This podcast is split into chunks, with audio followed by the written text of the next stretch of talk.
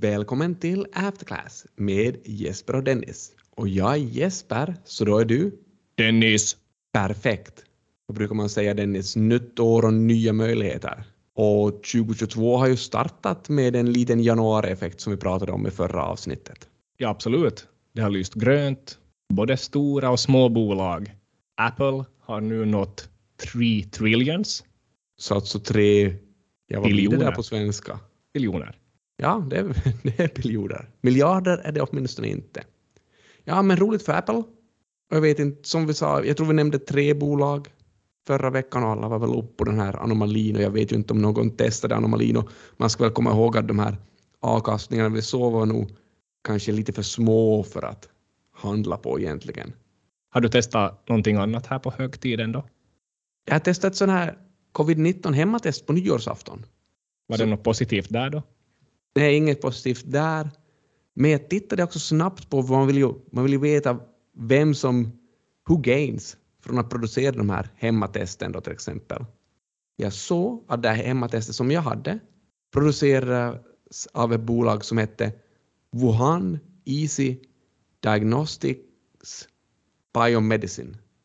Är det samma Wuhan där coronapandemin har sitt ursprung?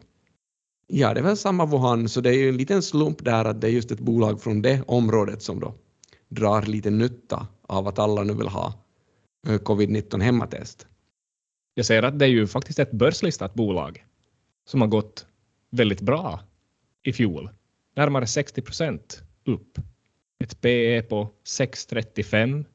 Marknadsvärde där kring 7,7 miljarder RMB. Så det känns ändå ganska bra att det här bolaget har ett stort marknadsvärde i det här fallet. För det betyder ju att det är knappast den här försäljningen av coronatesten som har gjort att den här aktiekursen har gått upp så mycket de- det här senaste året. Nej, de verkar ju syssla med en massa olika typer av diagnosverktyg. Så kanske vi lägger den där konspirationen åt sidan då. Jo, vi kan andas ut. Ja, corona gör ju faktiskt att det, det blir tungt att andas har jag hört. Ett ställe där det har blivit mycket lättare att andas är ju dock eh, Jeppis, Jakobstad. För det blev ju en strejk hos eh, UPM. Ja, där kanske man har någonting att stå till svars för. Ja, för vad var det du sa? Är det ett mediatrick? jag påstår väl att de här fack, eller jag påstår väl att de här fackföreningarna blåser upp den här strejkrisken bara för att se viktiga ut. Det blev alltså allvar till slut och i det långa loppet ledde det väl till någon slags lönepress, lite högre personalkostnader. Ja, och vem vet om det här är början på någon typ av löneinflation som vi kommer att se runt om i Finland och runt om i världen. Men det får tiden utvisa. Har vi något annat där det har gått fel från fjolåret som vi ska rätta till nu här i början på året? Ja, Simon, en trogen lyssnare, kom faktiskt med en sån här utsago att eh, då vi pratade om det här regression mot medelvärde i ett avsnitt där före jul, så han säger så här att någon av er, Ingen nämnd, ingen glömd. Är det så man brukar säga?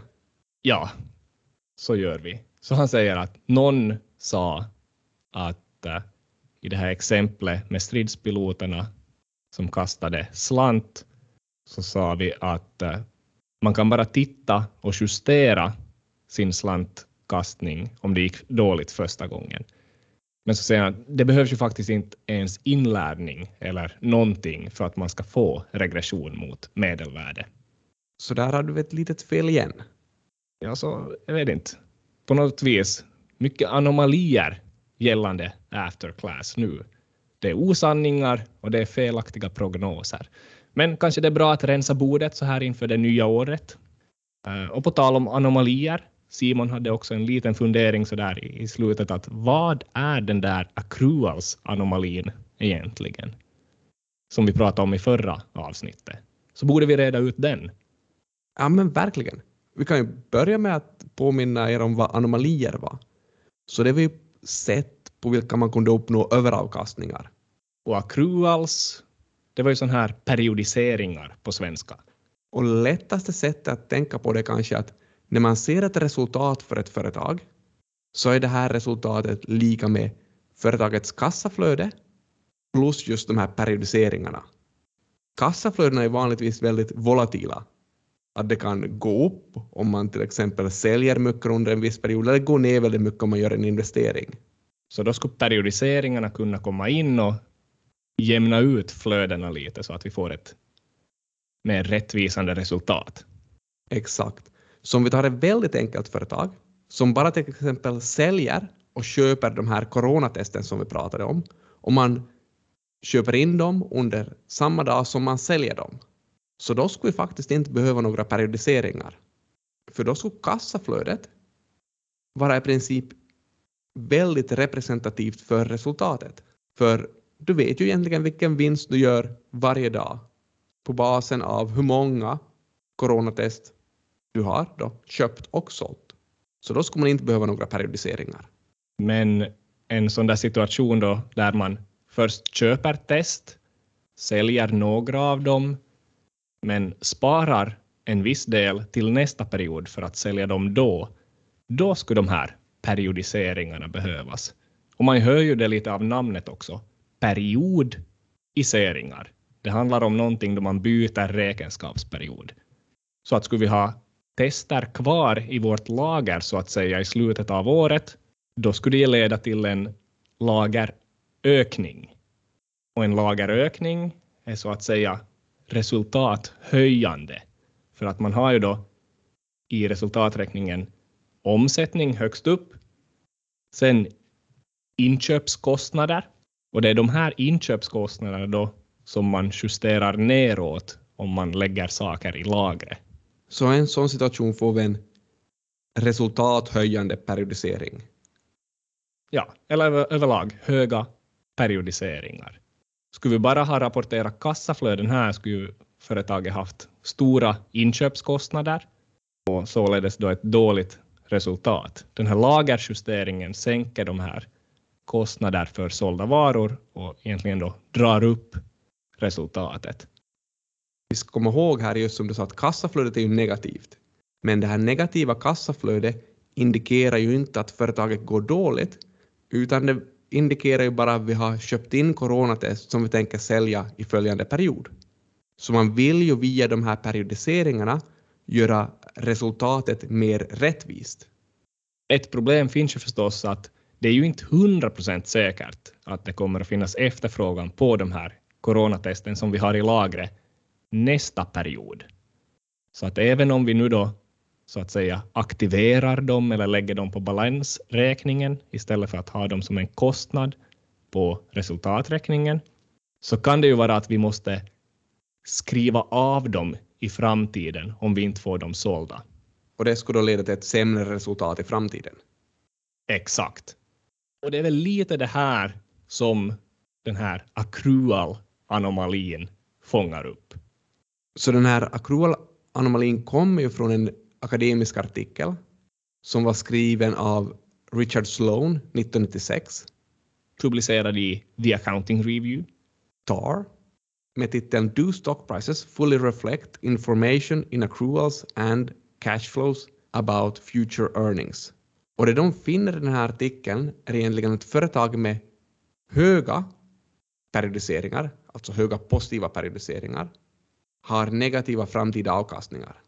Och företag med låga periodiseringar har positiva framtida avkastningar. Och förklaringen till det här då är att höga resultat via höga periodiseringar ett år inte nödvändigtvis behöver betyda att man har höga resultat i framtiden. Själva resultatet tyder väl också lite på så här att marknaden överreagerar på ett gott resultat. Ja, exakt. Så man fokuserar på resultatet utan att kanske gå in och titta riktigt på varifrån det här resultatet kom. Så man borde egentligen gå in och titta på, okej, okay, de här periodiseringarna som finns med i resultatet, hur sannolikt är det att de här periodiseringarna blir till kassaströmmar i nästa period? För det är det man vill att ska hända. Om vi tar vårt exempel med coronatesten, så vi periodiserade coronatesten som vi hade i lagret och vår förhoppning var ju då att vi ska sälja dem i nästa period så vi får kassaströmmar från dem i nästa period. Och det här kanske inte händer. Och det, är ju, det är ju inte bara lagret det här berör, utan andra stora periodiseringar är ju till exempel avskrivningar. De kan man hålla koll på. Uh, försäljningsfordringar, förändringar i dem, förändringar i leverantörsskulder. Där är några exempel. Men om man då skulle vilja dra nytta av den här anomalin så är det väl så att man helt enkelt klassificerar företag enligt företag med höga periodiseringar och företag med låga periodiseringar. Och så ska man då investera i företag som har låga periodiseringar medan man ska försöka sälja bort företag som har höga periodiseringar. Gör man det finns det förstås ett problem att man kanske råkar ut för att man bara fokuserar på icke växande bolag också. För de har ju också låga periodiseringar. Ja, just det, för periodiseringarna hänger ju till viss del ihop med hur mycket investeringar som företaget gör och hur företaget hoppas på att växa. Men har du någon lösning på det här? Då skulle man också bara kunna vara aktsam för stora förändringar i periodiseringarna. Att det kan ju vara så att växande bolag konstant har ganska höga periodiseringar. Så att man istället skulle se, från, se på år till år förändringar, exempelvis. Det är ju också oklart hur mycket man kan vinna på den här accrual-anomalin i dagsläget. Jag menar, det här pappret kom 1996. På den tiden var många ganska förbluffade över resultatet. Andra avundsjuka forskare sa att ah, det är troligtvis bara något statistikfel eller, eller något annat konstigt som Richard gjort, gjort fel där. Men eh, det är faktiskt så att den här Richards närmaste kollegor, så de lämnade akademiska och blev rådgivare åt olika typer av hedgefonder. Och de här hedgefonderna då i princip blankade bolag med höga periodiseringar och gjorde mycket pengar. Så det här är alltså ett exempel på en anomali som först har blivit dokumenterad av akademiska forskare och som sen investerare och till exempel hedgefonder har dragit nytta av och i princip då handlat bort så att den här anomalin inte finns något mera. Med tanke på sån här högfrekvenshandel i dagens läge, fönstret att handla på den här informationen är väldigt litet.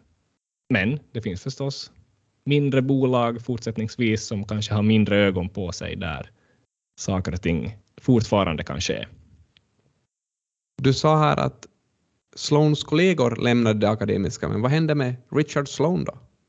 Ja, han är ju gift med en av redovisningens mest framstående kvinnliga forskare. Hon heter Patty DeShow. Och jag vet inte, kanske det blev som så att han hade hittat sitt eldorado i Patty och behövde inte hedgefonderna. Så Richard och Patty förblev lyckliga akademiker? Ja, de förblir det än idag. Och vi måste väl också säga att vi är rätt lyckliga idag. 2022 har startat rätt bra och vi fortsätter nästa vecka med nya insikter i After Class.